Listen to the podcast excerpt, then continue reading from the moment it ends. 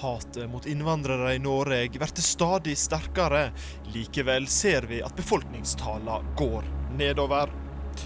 Hvordan skal flyktninger bosettes? Regjeringa har lagt fram sitt forslag, der det bl.a. skal være et hovedfokus på å få flyktninger ut av byene. Mindre familiegjenforeninger. Stadig færre søker familiegjenforeninger i dagens Norge, men hva får det å bety for framtida?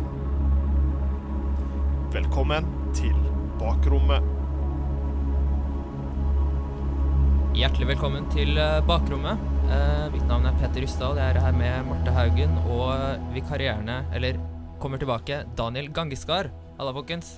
Hallo, hallo. Hei, hei. The return. Å, det er deilig å være tilbake i studio. Det må jeg bare si. Godt å ha med seg en stødig kar i dag. Eller to, to stødige karer. To stødige karer.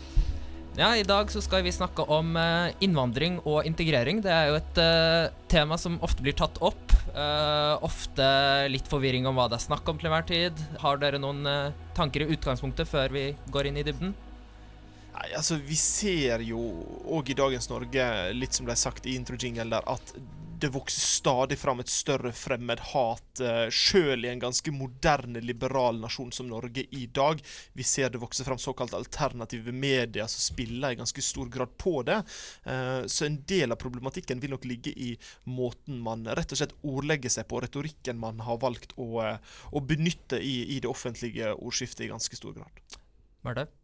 Ja, jeg er veldig enig i det Daniel sier. Eh, jeg tror at dette temaet eh, blir bare viktigere og viktigere. Eh, det er færre innvandrere som kommer i dag, men eh, vi er likevel veldig nødt til å gjøre eh, tiltak for at disse innvandrerne som kommer, skal få en god integrering.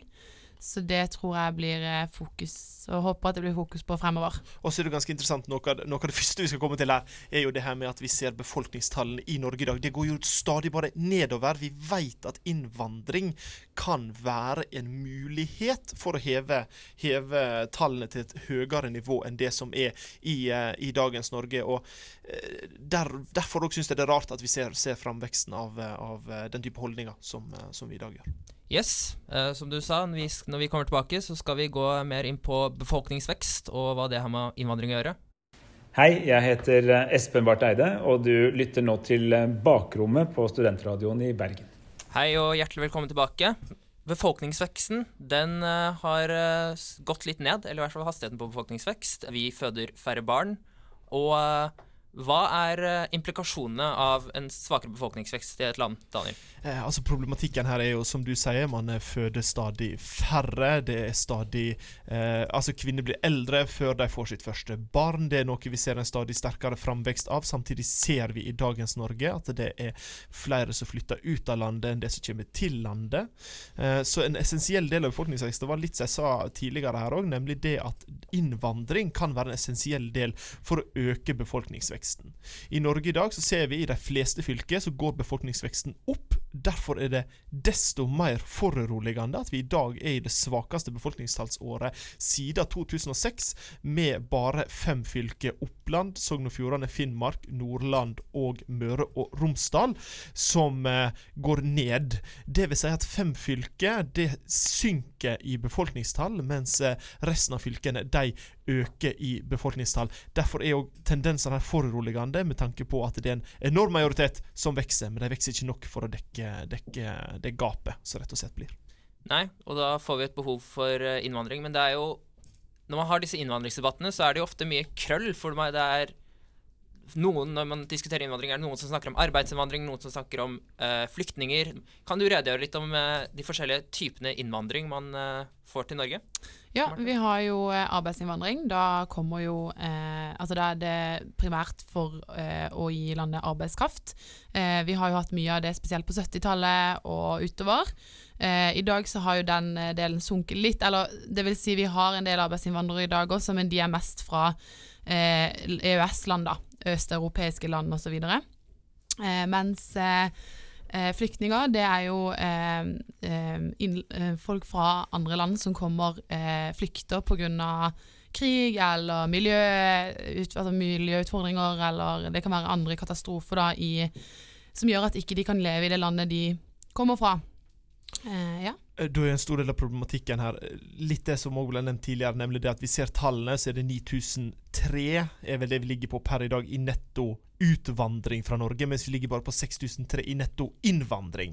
Det vil jo òg bety at sånn som arbeidsinnvandring, som du snakka om i stad, Marte, er ikke stort nok til å kunne klare å dekke behovene som eksisterer i dagens Norge. For det vil jo òg tilsi det at dess lavere befolkningsvekst du har, dess større andel som forsvinner, dess mer manglende arbeidskraft vil eksistere i, eh, i, i nasjonen. Hvilke regioner eh, er det som rammes eh, hardest av denne lavere befolkningsveksten? Dette gjelder jo spesielt eh, fylker som Møre og Romsdal og Sogn og Fjordane, og også de nordlige fylkene. Det er vel der eh, altså strømningene ut fra disse fylkene er vel større enn det tilstrømningene. Derfor syns jeg det er interessant å se at et fylke som Oppland òg ligger oppi den, eh, den smørja her. Sant? For du har Finnmark, Nordland, Sogn og Fjordane, Møre og Romsdal og Oppland. Oppland sentralt plassert, eh, noe som gjør det enda litt merkeligere. Selvfølgelig, distansen til eh, Oslo er ikke så lang. Det kan selvfølgelig være en naturlig forklaring på mange områder.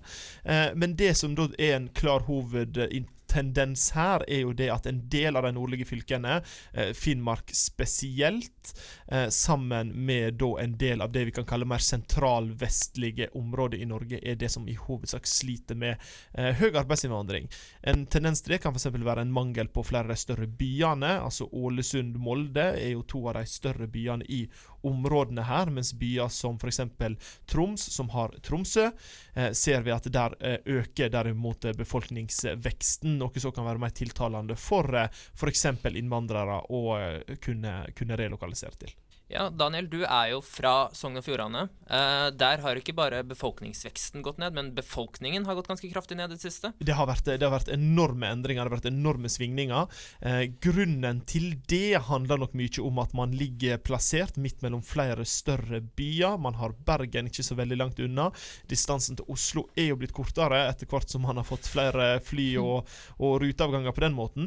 Så selvfølgelig, vi ser jo at vi i dag lever i en verden som moderniseres. Det at verden moderniseres på måten som den gjør, det at det er lettere å komme seg fra A til B, og det at vi i dag har teknologi, gjør òg at vi ser en større urbanisering av, eh, av miljøene. Og det gjør vi nok òg ganske mye i innvandringsmiljøene. Så ser vi òg en kraftigere urbanisering der det samles i større områder i f.eks. Oslo og, eh, og Bergen. Ja, fordi det er jo eh, distriktene som lider mest av eh, generell lavere befolkningsvekst, men også hvor folk velger å bosette seg. Eh, som Daniel var inne på, at innvandrere velger å uh, bosette seg i urbane strøk. Uh, og Marte, er det noen tiltak man kan gjøre for at disse områdene med fraflytning får flere folk, og ikke bare flere folk, men folk de trenger med riktige kvalifikasjoner? Ja, helt klart. Vi skal snakke om et av de neste, eller vi er ute i sendinga, bl.a. å spre f.eks. innvandrere.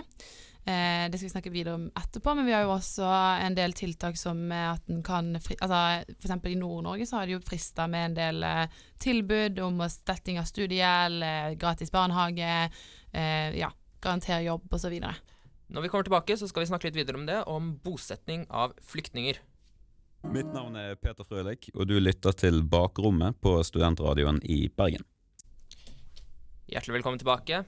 Regjeringen har nylig lagt fram en uh, forslag til ny politikk om bosetting av flyktninger. Uh, flyktninger uh, som kommer til Norge, har man ofte litt mer kontroll over hvor man kan bosette. Og denne nye politikken går ut på å bosette nei, flyktninger der hvor det er færre innvandrere fra før av. Og hva har reaksjonene til dette forslaget vært, Marte? Nei, jeg tror ganske mange er utelukkende positive. I hvert fall eh, de som Jeg vet ikke hva innvandrerne sjøl tenker, men eh, i hvert fall så vil eh, mange tro at det å plassere de ute i distriktene vil skape en bedre integreringsprosess. I tillegg til at det vil kunne være godt for kommunen i seg sjøl. De får økt støtte. Og i tillegg for de som bor i kommunene, så kan det være greit i en distriktskommune å få litt nye impulser, tenker jeg. Nye kulturelle opplevelser og litt erfaringer med det, istedenfor at de skal kunne bo, bosette seg i byene hvor det allerede bor mange innvandrere fra før av. Jeg, jeg tror du er inne på noe ganske essensielt der, nemlig, men nemlig hva dette kan få bety for kommunene. Noe jeg derimot savner i regjeringas forslag, er noe mer handfast. Eh, noe ganske klart og tydelig. Ja, de ønsker å spre ut flere flyktninger, men hvordan ønsker de å gjøre det? De har satt et maksmål på Det er vel der det er det skal ikke bosettes flyktninger i områder der det er mer enn 30 allerede eksisterende del av befolkninga som er er innvandrere. Eh, problematikken her vil jo da oppstå med at hvordan skal du klare å få den balansen der, og hva er det da som vil eh, i hermetegn hindre innvandrere fra å flytte til de områdene etter f.eks. endt integreringskurs, eh, endt norskutdanning, der de er nødt til å bo på én plass for å fullføre. Hva er det som vil hindre dem i å flytte til disse områdene i ettertid? Der er for lite handfast, etter mitt syn, i, eh, i regjeringas eh, forslag eh, på området. Så du synes det er for mye tvang i det? Og ikke Nei, det, det er ikke for mye tvang, men det er for lite håndfast. Det er for lite 'her er det vi skal gjøre'. Her er A, B, C, D, E, F, G. Her er hele alfabetet i rams og rekke på tiltak som vi her ønsker å innføre. Det er det jeg savner fra Jan Tore Sanner. Ja, jeg tenker også at det med innvandrere må jo kunne ha, få seg jobb etter endt eh, integreringsprosess. Eh, når de har lært seg språk osv., så, videre, så er jo det naturlig at innvandrere må komme ut i arbeid for å bidra til samfunnet, og i tillegg også eh, bli en del av det norske samfunnet. Ehm, og problematikken her er jo det at mange distriktskommuner ikke har nok arbeid til eh, innvandrere, i hvert fall kanskje ikke noe som de ønsker å jobbe med. Altså, det, er jo, det er jo ikke en hemmelighet at i små kommuner så har du ikke alt å velge i. Du kan ikke, bli, altså, du kan ikke jobbe som hva som helst. Så jeg skjønner jo godt at det, for innvandrere så blir det kanskje da lettere å bosette seg i en by hvor du har mer eh, muligheter. Ja, men her er det jo snakk om flyktninger. De har jo ikke så mye valg hvor de skal bo, i hvert fall i starten. Og eh, i samme plan så står det også at det skal legges mer evne eh, Mer av eh, integreringsarbeid skal legges til kommunene. Har små kommuner som da plutselig får en større befolkning flyktninger, har de midlene, ikke bare fra arbeidssiden, men har de midlene til å starte et omfattende integreringsarbeid? Nei, det tror ikke jeg. Eh, veldig mye av midlene som blir overført, eh, går jo til nettopp det det skal gå til. Problematikken er bare at midlene er ikke store nok til at man får utnytta det til det fulle. Man får dekt et minimumsbehov. Eh, utenom det så er det kommunene sjøl som står ansvar for det. Så for at dersom man skal legge mer over på kommunene, mer over ansvar på kommunene, så må òg oppfølgingene her opptrappes. Man må få større overføringer fra staten til kommunene, som gjør at man kan dekke større andeler enn bare minimumsbehovene, sånn som situasjonen er i dag i ganske mange av de mindre kommunene, mens vi ser at større byer som Oslo, Bergen, Kristiansand, Tromsø, Stavanger, der er tilbudene sterkere og bedre, fordi der har man de økonomiske ressursene som er nødvendig for å klare å gjøre det. Men uh, i samme rapport så står det jo faktisk at 80% av flyktninger blir der hvor uh, norske myndigheter først plasserer dem. Er det da så stor fare for at de kommer til å flytte ut av der de blir bosatt, sånn som du nå omtaler det som? Det kan være en risiko. Uh, vi vet jo ennå ikke hvordan det blir, og tallene vil nok kunne hva du kan si, ikke vike, men, men der finnes måter å, å, å endre tallene på. Eh, så vet man òg at det er veldig mye Altså Flyktninger reiser ganske mye fram og tilbake for å reise til områder der det er større samlinger, der det er flere personer samla, f.eks. flere helgeturer. Der ser, det ser man jo òg i tallene. Eh, så det at tallene mm, ligger så som så, det er jeg litt skeptisk til. Eh, og jeg tror hovedfokuset her må være på hvordan vi kan bedre tilbudene av det som eksisterer, i, eh, spesielt i, i, i bygdestrøkene. Tror du eh, det er eh, mer innvandrerfiendtlige holdninger i områder der hvor det ikke er så mye innvandrere nå, Marte? Det er jo lett å tenke at eh, i områder hvor ikke det er mye innvandrere, hvor ikke de er vant eh, og vokst opp med det, altså å være en del av et multikulturelt samfunn, der vil det nok eksistere litt annerledes holdninger. Det har jeg sjøl erfart når jeg har vært eh, i distriktskommuner eh, og snakka med folk som bor der, un unge som bor der, har et helt annet forhold til det med innvandring i forhold til meg. Eh, og det tror jeg er noe eh, det, dette her tiltaket vil kunne bidra til å på en måte eh, viske ut da, den forskjellen mellom de som bor i store byer og de som bor i distriktskommuner. Og Marte er jo inne på noe veldig essensielt i, i problematikken her, nemlig det at holdningene er så differensierte alt etter hvor man er i eh, Norge i dag, og det igjen vil jo kunne få noe å bety for bosettingssituasjonen for flyktninger, nemlig holdningene de møter ute i, eh, i Norge. Når vi kommer tilbake, så skal vi snakke om en av de mer kontroversielle innvandringsmetodene, nemlig familiegjenforening, eller familieinnvandring. Så følg med videre. Mitt navn er Audun Lysbakken. Nå lytter du til Bakrommet på Studentradioen i Bergen. Hei, mitt navn er Marte Haugen, og jeg står her med Peter Rystad. Eh, Vi har med oss Espen Barth Eide i dag. eh, Sentral Arbeiderpartipolitiker og tidligere utenriksminister og forsvarsminister. Og da, Espen, da lurer jeg på hva var det som bringer deg til Bergen i dag? Akkurat eh, hit til Universitetet i Bergen er jo fordi AUF-studentene inviterte meg eh, til å holde et foredrag om eh, den liberale orden i krise? spørsmålstegn, og Det var veldig hyggelig å bli spurt. og Vært her noen ganger før, og det trives jeg med, så da sa jeg ja. ja. Eh, er du oppvokst i et politisk hjem? Eh, ble det diskutert mye politikk rundt middagsbordet hjemme hos deg? Ja, det gjorde det. Ikke et partipolitisk hjem, egentlig, men begge mine foreldre var veldig opptatt av internasjonale spørsmål, sånn som jeg også senere ble, og var aktive både i forhold til internasjonale internasjonalt arbeid og menneskerettighetsarbeid og sånn. Så det må jeg si at det var ganske politisk hjem. Eh, og da har du noen politiske forbilder som kanskje har fulgt deg eh, siden eh, dine yngre dager? Ja, altså, eh, altså Alle i min generasjon ble jo veldig inspirert av Gro Harlem Brundtland, selvfølgelig, som var en av våre legendariske ledere, og hvordan hun eh, arbeidet seg opp, og også hvordan hun gjorde veldig mye for å forandre Norge og gjøre Norge til det landet vi er i dag. Så det er en av dem. Og så har jeg jo jobbet tett på Jens Stoltenberg, så det er kanskje rart å kalle ham et forbilde, men det er jo i hvert fall eh, i mine, mine tidlige år så var jo han da AUF-leder, og en som jeg syns tok mye inspirasjon fra. Mm. Ja. Meg og Peter vi studerer jo sammenlignende politikk, eh, og du har studert statsvitenskap. Og da lurer jeg på hvorfor du valgte å studere akkurat dette? Um, jeg, jeg, jeg, studerte litt flere forskjellige samfunnsfag før det klarte klart at det var statsvitenskap jeg skulle gå for. Men, uh, men jeg syns jeg fant det naturlig, for jeg var opptatt av politikk. Jeg var opptatt av uh, internasjonale spørsmål og var opptatt av det som da heter international relations. Eh, og, og, fant at statsvitenskap var det faget jeg trivdes aller best med. Men jeg har også hatt glede av eh, andre fag jeg studerte. For i den, den tiden så tok man jo cand.mag og hadde flere grunnfag i, i fagkretsen. Og da tok jeg bl.a. Eh, historie og offentlig rett, og det har jeg aldri angret på. Nei. Og Hvilke kunnskaper fra studiet og studietida generelt vil du si har vært viktigst for deg videre i livet i dine jobber og verv du har hatt? Altså det, det, viktigste du tar med deg fra en akademisk utdanning, er ikke liksom enkeltkunnskapene, men det er liksom en metodisk tilnærming, en måte å tenke på. Det er liksom å prøve å sette ting i system. Eh, og forstå store sammenhenger og stille deg kritisk til informasjon. Så det er på en måte metoden i bred forstand, ikke bare altså metodekurset, men altså den, liksom den, faglige tilnærmingen som kanskje er eh, viktigere enn de enkeltkunnskapene. Så er det sikkert mye jeg har lært av sånne enkeltting også som jeg har glede av senere, men, men det jeg vil trekke fram, det er rett og slett en måte å forstå verden på. Eh, som jeg mener har vært veldig nyttig også i mitt eh, politiske virke. Og så har jeg jo hatt eh, det store privilegium at jeg kunne veksle litt. da, Gått litt fram og tilbake mellom akademia og politikk. og det det har, det har, vært fint, syns jeg. For det, er ofte lurt å ha tenkt litt på forhånd når man sitter i politiske stillinger hvor ting går veldig fort. Mm. Men så mener jeg også at akademia har godt av at folk som har drevet utøvende politikk, kommer tilbake og, og deler litt erfaring med hvordan verden egentlig er. Den er ikke alltid sånn som det står i lærebøkene. Ja. Du har jo som nevnt eh, vært både forsvarsminister og utenriksminister. Eh, og hva mener du er de viktigste forskjellene mellom eh, disse to oppgavene?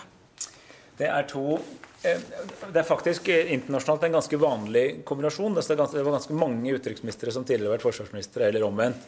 Eh, og jeg tror man tar med seg eh, veldig ulike og veldig nyttige erfaringer fra begge de departementene når man har ledet to såpass store og viktige departementer. En, eh, I Forsvarsdepartementet så jobber man jo også med mange internasjonale spørsmål, men, men også veldig mye med Norge, ditt eget land. Jobber med, med, spørsmål helt fra strategisk nivå ned til bakken, egentlig. Altså, det er veldig sånn anvendt hands on. Uh, Utenriksdepartementet er alle de store internasjonale spørsmålene, men det er jo litt mer på meningsproduksjon og holdninger og litt, altså litt mindre sånn utøvende politikk da, kan du si, enn en det Forsvaret er. Så jeg er veldig glad for at jeg har fått anledningen. Jeg har vært både statsråd i begge departementene, men jeg har også tidligere i karrieren vært statssekretær i begge departementene. og Det var også en, egentlig ganske bra, syns jeg, at jeg hadde vært uh, nummer to før jeg ble nummer én. For da har du lært ganske mye om departementene før du har det øverste ansvaret. Du ble jo uh, i et amerikansk etterretningsnotat i 2008 omtalt Da var du jo statssekretær. Mm. Da ble du omtalt som et av de mektigste menneskene i regjeringsapparatet. Vil du si det stemte på det tidspunktet? altså, det var nå deres ord. Jeg var, men uh, jeg holdt jo på med en del store og viktige prosesser som, som jeg holdt i. Så um, ja. Jeg, jeg, jeg, jeg, tror ikke jeg har behov for å si om jeg var mektigst, men jeg Nei. At det er en viss innflytelse, ja. Mm. Ja, nei, fordi det, det her var jo det, Du har jo garantert hørt om det før. Det var jo, kom jo på Wikileaks. ja det har jeg hørt om. Eh, du ble jo til og med omtalt som den egentlige forsvarsministeren før du ble forsvarsminister. Var du det, da? Vi- hadde en god forsvarsminister, eh, og vi hadde en god arbeidsdeling mellom oss. Eh, Jeg hadde da gleden av å jobbe sammen med Anne Grete Strøm-Eriksen her fra Bergen. Eh, Og, eh, og vi, vi samarbeidet bra, og vi fokuserte på litt ulike ting og hadde liksom delt departementet litt mellom oss. Så det, det var en fin eh, erfaring. Du ble jo da utenriksminister eh, etter et år da du hadde vært forsvarsminister. Ja. Og du hadde vært vel statssekretær i begge departementene. Og Jonas Gahr Støre var jo en enormt populær utenriksminister. Han hadde vært i mange år. Både, han var populær både her hjemme og der ute. Eh, hvordan var det å overta etter ham? Ja, Det syns jeg var greit. Jeg kjente jo Jeg hadde- to ganger vært statssekretær i Utenriksdepartementet. Først hadde jeg vært statssekretær i, i, i Stoltenberg I-regjeringen under Torbjørn Jagland som utenriksminister. Og så var jeg jo eh, Jonas sin statssekretær før jeg ble forsvarsminister. Og vi hadde jo da jobbet sammen om den samme politikken. Jonas og jeg hadde for så vidt formet mye av den rød-grønne regjeringens utenriks- og sikkerhetspolitikk i fellesskap, selv om vi hadde ulike posisjoner. Så jeg gikk jo inn og for, fortsatte å forvalte den samme politikken som han hadde. og kjente mange av de samme miljøene, og jeg føler at det ble en, en grei overgang. og Det tror jeg vi begge opplevde. Ja. Uh, nå vet jeg ikke hvor mye du kommer til å uansett si om populariteten til din egen partileder, men som jeg nevnte, han var veldig populær da han var utenriksminister, og så har han slitt litt med populariteten et etterpå. Hva tror du kan, det kan komme av? Altså det, det, jeg mener jo vi har en strålende dyktig partileder. Jeg tror han blir en veldig god eh, statsminister eh, når, når vi kommer dit en dag. Og, og det tror jeg også han blir. Eh, eh, det er klart at når, når vi nå hadde dette valget hvor alle regnet med at vi skulle vinne eh, altså Ikke bare gjorde vi og pressen dem, men til og med den sittende regjeringen trodde de skulle tape. Eh, og så gikk det likevel ikke slik, på marginene, da, bl.a. fordi vi gjorde et dårligere valg enn vi hadde forventet, men også fordi Kristelig Folkeparti og Venstre så vidt karret seg over sperregrensen, så det gikk da så vidt i motsatt retning. Eh, og så fikk vi, som alle har sett, et litt krevende år i Arbeiderpartiet, også pga. indre forhold rett etter det. Det var en tøff tid for alle, og selvsagt også for ledelsen.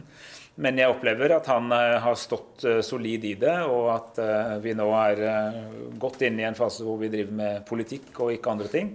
Eh, og, og jeg tror vi har en, eh, en veldig dyktig fremtidig statsminister i, i Jonas. Og det mener jeg virkelig fra dypet av hjertet. Da du var utenriksminister, er det noen andre utenriksministre eller statsledere du husker et spesielt godt samarbeid med? Ja, mange egentlig. Det var, jo, altså Norge var jo et land øh, og, og den regjeringen, Stoltenberg-regjeringen var jo en, en regjering som sto ganske høyt i kurs, fordi vi var ganske aktive på mange arenaer. og hadde et, Vi hadde et uh, veldig godt forhold i, i mange retninger. Jeg vil jo si at vi hadde veldig, et særlig godt nordisk samarbeid i den tiden. Jobbet ganske mye også med lederne i EU. Men også, uh, men også f.eks. Martin Atalagava, som var Indonesias uh, utenriksminister, fikk jeg et veldig godt forhold til. Fordi vi, vi en del, gjorde en del ting sammen rundt transformasjonen i Myanmar, altså tidligere Burma, som var veldig spennende. og Da fant vi en veldig god kjemi å gjøre noe sammen. eh, To land langt unna, men med ganske felles syn på hvordan en sånn demokratisk omstilling skulle støttes. Um, så jobbet jeg ganske mye med den daværende tyrkiske utenriksministeren, Ahmet Davutoglu, som senere ble statsminister og så gikk av, for han har vel falt litt i unåde hos eh, Erdogan. Men det var også en person som jeg følte at det var veldig interessant og lærerikt å jobbe med. Så det er ikke, og, og, og kanskje den som jeg hadde aller mest glede av samarbeid med, var faktisk John Kerry, som jeg synes var en fantastisk dyktig utenriksminister. Jeg, jeg hadde opplevde både Hillary Clinton og John Kerry, likte begge veldig godt. Men jeg fikk et særlig godt forhold til, til John Kerry, som, som jeg mener gjorde veldig mye bra i Obama-administrasjonen. Og Det er et stort savn. Altså, det er veldig mange av de som var ledere i Obama-administrasjonen, som, som vi hadde tett og nær kontakt med, nettopp fordi Norge har et sånn altså Vi er aktive på så mange arenaer, så vi på en måte får uproporsjonalt mye oppmerksomhet i Washington. Og, og det var en, eh, en flott gjeng. Vi har jo nettopp hørt deg si et foredrag hvor du mener at verden er grunnleggende et anarki eh, på det internasjonale. Du, vi har ikke tid til å gå inn på alt det nå. Ja. Men, Det er ikke bare jeg som mener det, det er liksom en Nei, nei. statsvitenskapelig grunnsetning. men jeg lurer da på eh, hvilke kanaler er det da man bruker for å få mest effektiv utenrikspolitikk? Er det disse konvensjoner, eller er det sånn den klassiske oppfatningen av diplomati med bakromsmøter og Altså, begge deler er en del av den utenrikspolitiske hverdagen.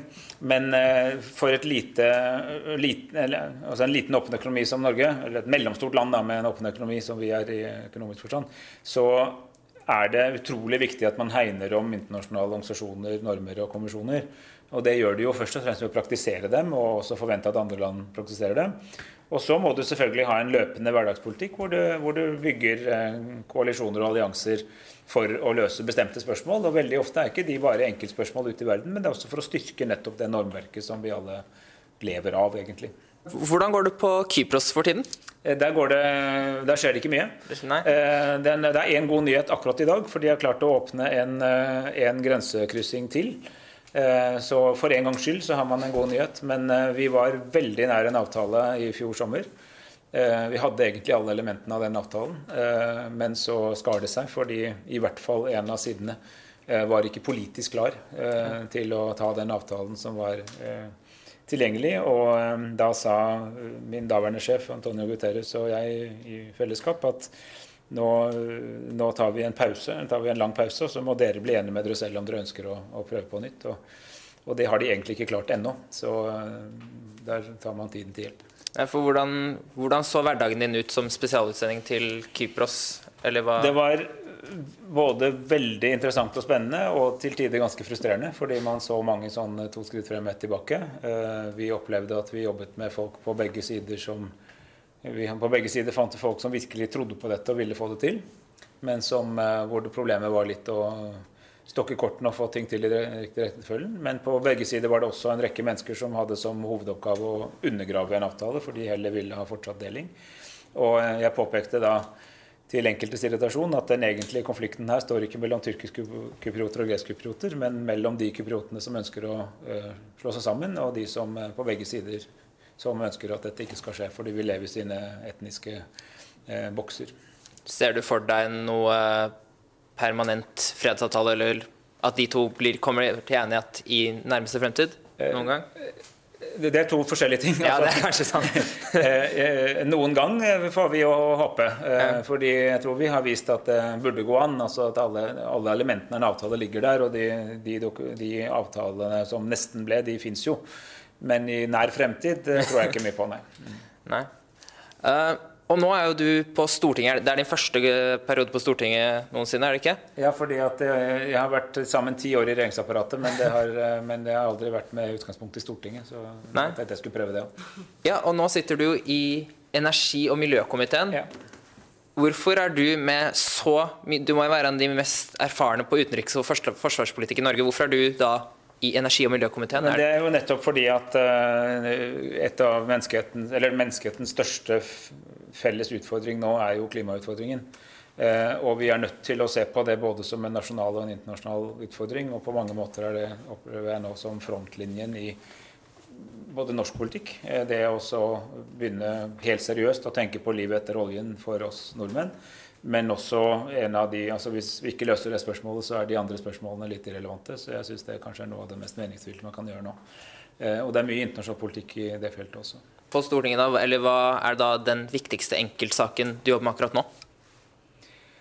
Ja, akkurat nå, Det er et veldig godt spørsmål. fordi akkurat i morgen tidlig så legger vi fram Arbeiderpartiets uh, alternative statsbudsjett. og Det blir et veldig bra klimabudsjett. Uh, og, og, vi har altså gjort ganske stort løft på det feltet der. Så når du spør meg akkurat nå, så er det det. Så litt forbi akkurat nå, så er det opptakten til det store toppmøtet i Katowice i Polen, som da er eh, heter COP24 på fagspråket, som er en oppfølging av den opprinnelige Kyoto, altså serien som begynte i Kyoto. Men det er også det første statspartmøtet etter Parisavtalen. Eh, så det arbeidet fram mot det er viktig. Og så er det den, på enda litt lengre sikt, så er det hele det store spørsmålet om hvordan kan vi i løpet av noen få tiår gå over i et nullutslippssamfunn og, og, lage et karbonnøytralt, eh, en karbonnøytral verden. Det mener jeg er mulig, men det krever veldig sterke politiske grep. Mye sterkere enn det vi har fått til nå. Så det er ganske fascinerende. Og det er for Norges del kanskje den store reisen vi skal ha i vår Vi må være like kloke på vei ut av oljealderen som vi var på vei inn i den. Og helt til slutt, dette stiller vi mange av de vi intervjuer. Hvis du kunne legge til, fjerne eller endre en paragraf i Grunnloven på egen hånd, hva ville du gjort da? Det er et veldig godt spørsmål. Nå har vi jo nettopp fjernet Nå har vi, nå har vi fra og med i vår så er ikke kongen lenger hellig. Det tror jeg var på tiden, til å eh, endre. Det tok altså en del år. Um, det er ikke noe vondt sagt om kongen, men jeg tror det er greit å ikke ha han som hellig. Jeg, Altså, jeg, mener de, jeg, mener at det viktigste med Grunnloven er at den har en slags kontinuitet over tid, men også at den fanger opp i seg sånne helt sentrale ting som menneskerettighetsvern og sånne ting. Det gjør jo norsk grunnlov, men vi må hele tiden sørge for at den er i takt med den internasjonale utviklingen på det feltet. Men jeg har vel ikke egentlig en, en, en favorittparagraf til at jeg tenker meg litt om. Mm. Tusen takk for at vi fikk eh, komme og se på deg, og ja, at du ville snakke oss med oss i dag. Ja. Ok, takk skal dere ha. Jeg heter Jonas Gahr Støre, eh, og når jeg er i Bergen, og hvis jeg kan, så lytter jeg på Bakrommet, studentradioen i Bergen. Antall søknader om familiegjenforening har eh, gått ned. Dette er jo Denne typen innvandring er litt kontrasiell, har i hvert fall blitt diskutert mye til tider. Og hva er egentlig familiegjenforening, eller det som ofte i avisen blir omtalt som familiegjenforening, Marte? Ja, eh, familiegjenforening er et litt sånn eh, upresist og litt forvirrende begrep. Eh, for det er en slags samme, samlebetegnelse mellom to eh, forskjellige ting. da. Det ene er familiegjenforening, eh, altså en gjenforening med ektefelle, foreldre, barn eller andre familiemedlemmer. Eh, og de var da familie før de kom til Norge. Så har du noe annet som er familieetablering. Og det er et nytt ekte- eller partnerskap hvor den ene parten ikke bor i Norge og da kan vedkommende få opphold her på grunnlag av eh, det eh, planlagte familieforholdet til partneren som allerede bor i Norge. Hvorfor eh, er det mange som er skeptiske til denne typen innvandring, Daniel? Nei, grunnen til man er skeptisk til familiegjenforening, eller i hvert fall det som er blitt fronta som argumentene i, i, sakene mot familiegjenforening, er fordi at det er mange som frykter at dette her skal være en slags eh, åpen sluse inn til eh, Norge. Det er det vi ser skeptikerne kontinuerlig drar fram. Jeg mener jo familiegjenforening er en positiv ting, en veldig fin ting det her med å få inn uh, ikke bare menn eller kvinner, men du får inn barn, du får inn uh, ektefelle, som sagt, uh, som Marte var inne på i stad. Du får inn andre typer av familie, noe som òg vil bety at man ikke flytter til et nytt land og man starter helt fra scratch. Du har dine nærmeste hos deg, noe som kan bety enormt mye for den psykososiale helsa til et, til et menneske. At man ikke trenger å begynne fra begynnelsen av. Men grunnen til at folk er skeptiske, er fordi at dette her er blitt uh, framstilt av kritikerne som ei åpen sluse inn til Norge, noe det jo i realiteten ikke er. Nei, uh, man har jo uh, Nåværende regjering har vel prøvd å stramme inn. det har vært litt frem og tilbake på policyen. hva er det regjeringen har forsøkt å litt mislykket gjøre med familiegjenforening? Man har jo tidligere prøvd å, å, å, gjøre kravene strengere. Det her med at du får ikke lov å uh, hente familie til Norge hvis du ikke har så så mye i inntekt, sånn at du har muligheten å forsørge. Uh, selvfølgelig mener jeg at et forsørgerprinsipp er jo helt ideelt for, uh, for denne typen løsning, og noe som bør kunne kreves. samtidig så ser vi at tallene går nedover. Hittil i år så er det ca. Uh, 9000 eh, det ligger på. I fjor var det 12, så det vil altså si at det har minska med en fjerdedel. Ca. 25% færre har søkt familiegjenforening i 2018 sammenlignet med 2017. Noe som er ganske klar og tydelig nedgang. Så er det også viktig å huske på det her at det er 9000 som har søkt om familiegjenforening. Det er ikke 9000 som har fått innvilga familiegjenforening. Men man kan jo stille spørsmål, Marte. De som innvandrer til Norge, det er jo forventa at de skal bidra til samfunnet, og det er derfor man tar dem inn. Ville ikke det da gå litt mot sin hensikt hvis man da skal få inn en hel familie som da antageligvis har noen barn, eller som noen som staten må forsørge tilbake igjen, da?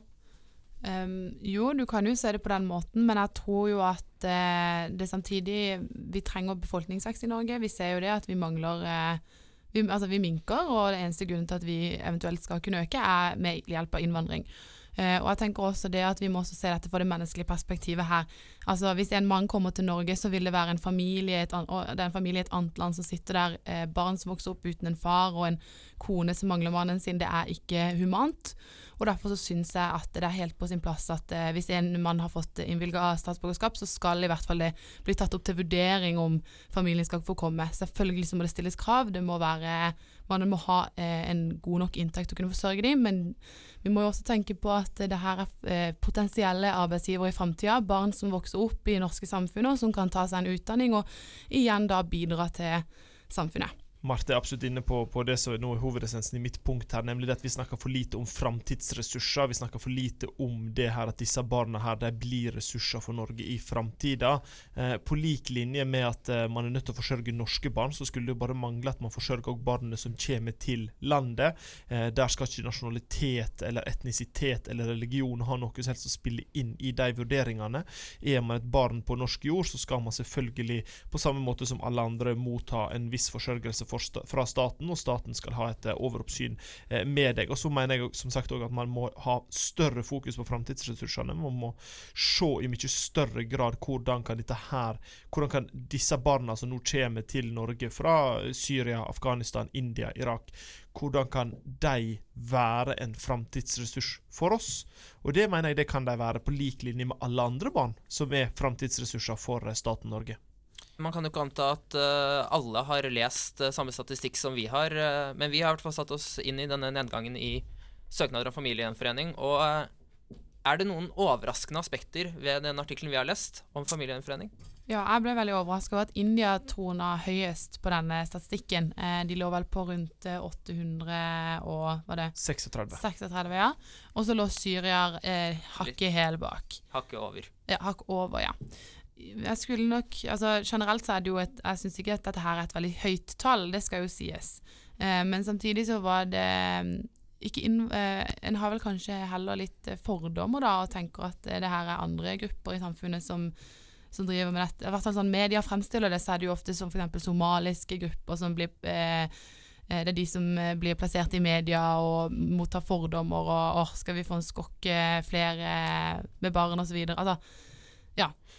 For, for alle, alle, statistikkene beviser nettopp det. Ja. Her ser man at India eh, er et av landene som troner øverst. Et land vi snakker lite om i så måte. Ser man på arbeidsinnvandring, som vi diskuterte tidligere, hva er det som ligger øverst der? Jo, det er svensker og polakker som er øverst på de statistikkene der. Men det som blir framheva av såkalte alternative medier og av eh, kritikerne, er eh, folk fra Somalia, folk fra Syria, Irak, Afghanistan. Det er et samla fokus mot ei gruppe som jeg dessverre er redd for og da sprer fordommer og hat. Når vi kommer tilbake, så skal vi snakke litt mer om nordmenns holdning til innvandring, og spesielt eh, diskriminering og hat. Hei, dette er Ulf Leirstein. Du hører på Studentradioen i Bergen, program Bakrommet. I 2017 så meldte SSB at godt over en fjerdedel av Norges befolkning er skeptiske til innvandrere i Norge. Og Norges likestillings- og diskrimineringsombud eh, Hanne Bjurstrøm har presentert en rapport for FN der hun sier at norske myndigheter ikke gjør nok for å bekjempe rasediskriminering. Hva tenker du om dette, Marte? Nei, litt, eh, altså Det er litt urovekkende da, at, hun har gått, at det har gått så langt at FN får, uh, får høre dette. Da tenker at da, da, mener hun virkelig alvor i dette, at det er et seriøst problem og noe vi må ta tak i. Eh, jeg skjønner veldig godt, jeg ser jo også sjøl i kommentarfeltene hvordan folk oppfører seg. og det, dette er holdninger som kanskje ikke eksisterer så mye i, mitt, eh, i min omkrets på universitet og, og eh, blant unge, men det er liksom holdninger som allikevel eh, faktisk finnes der ute, og i, i ganske stor eh, grad. Og det tenker jeg er noe som vi må jobbe med.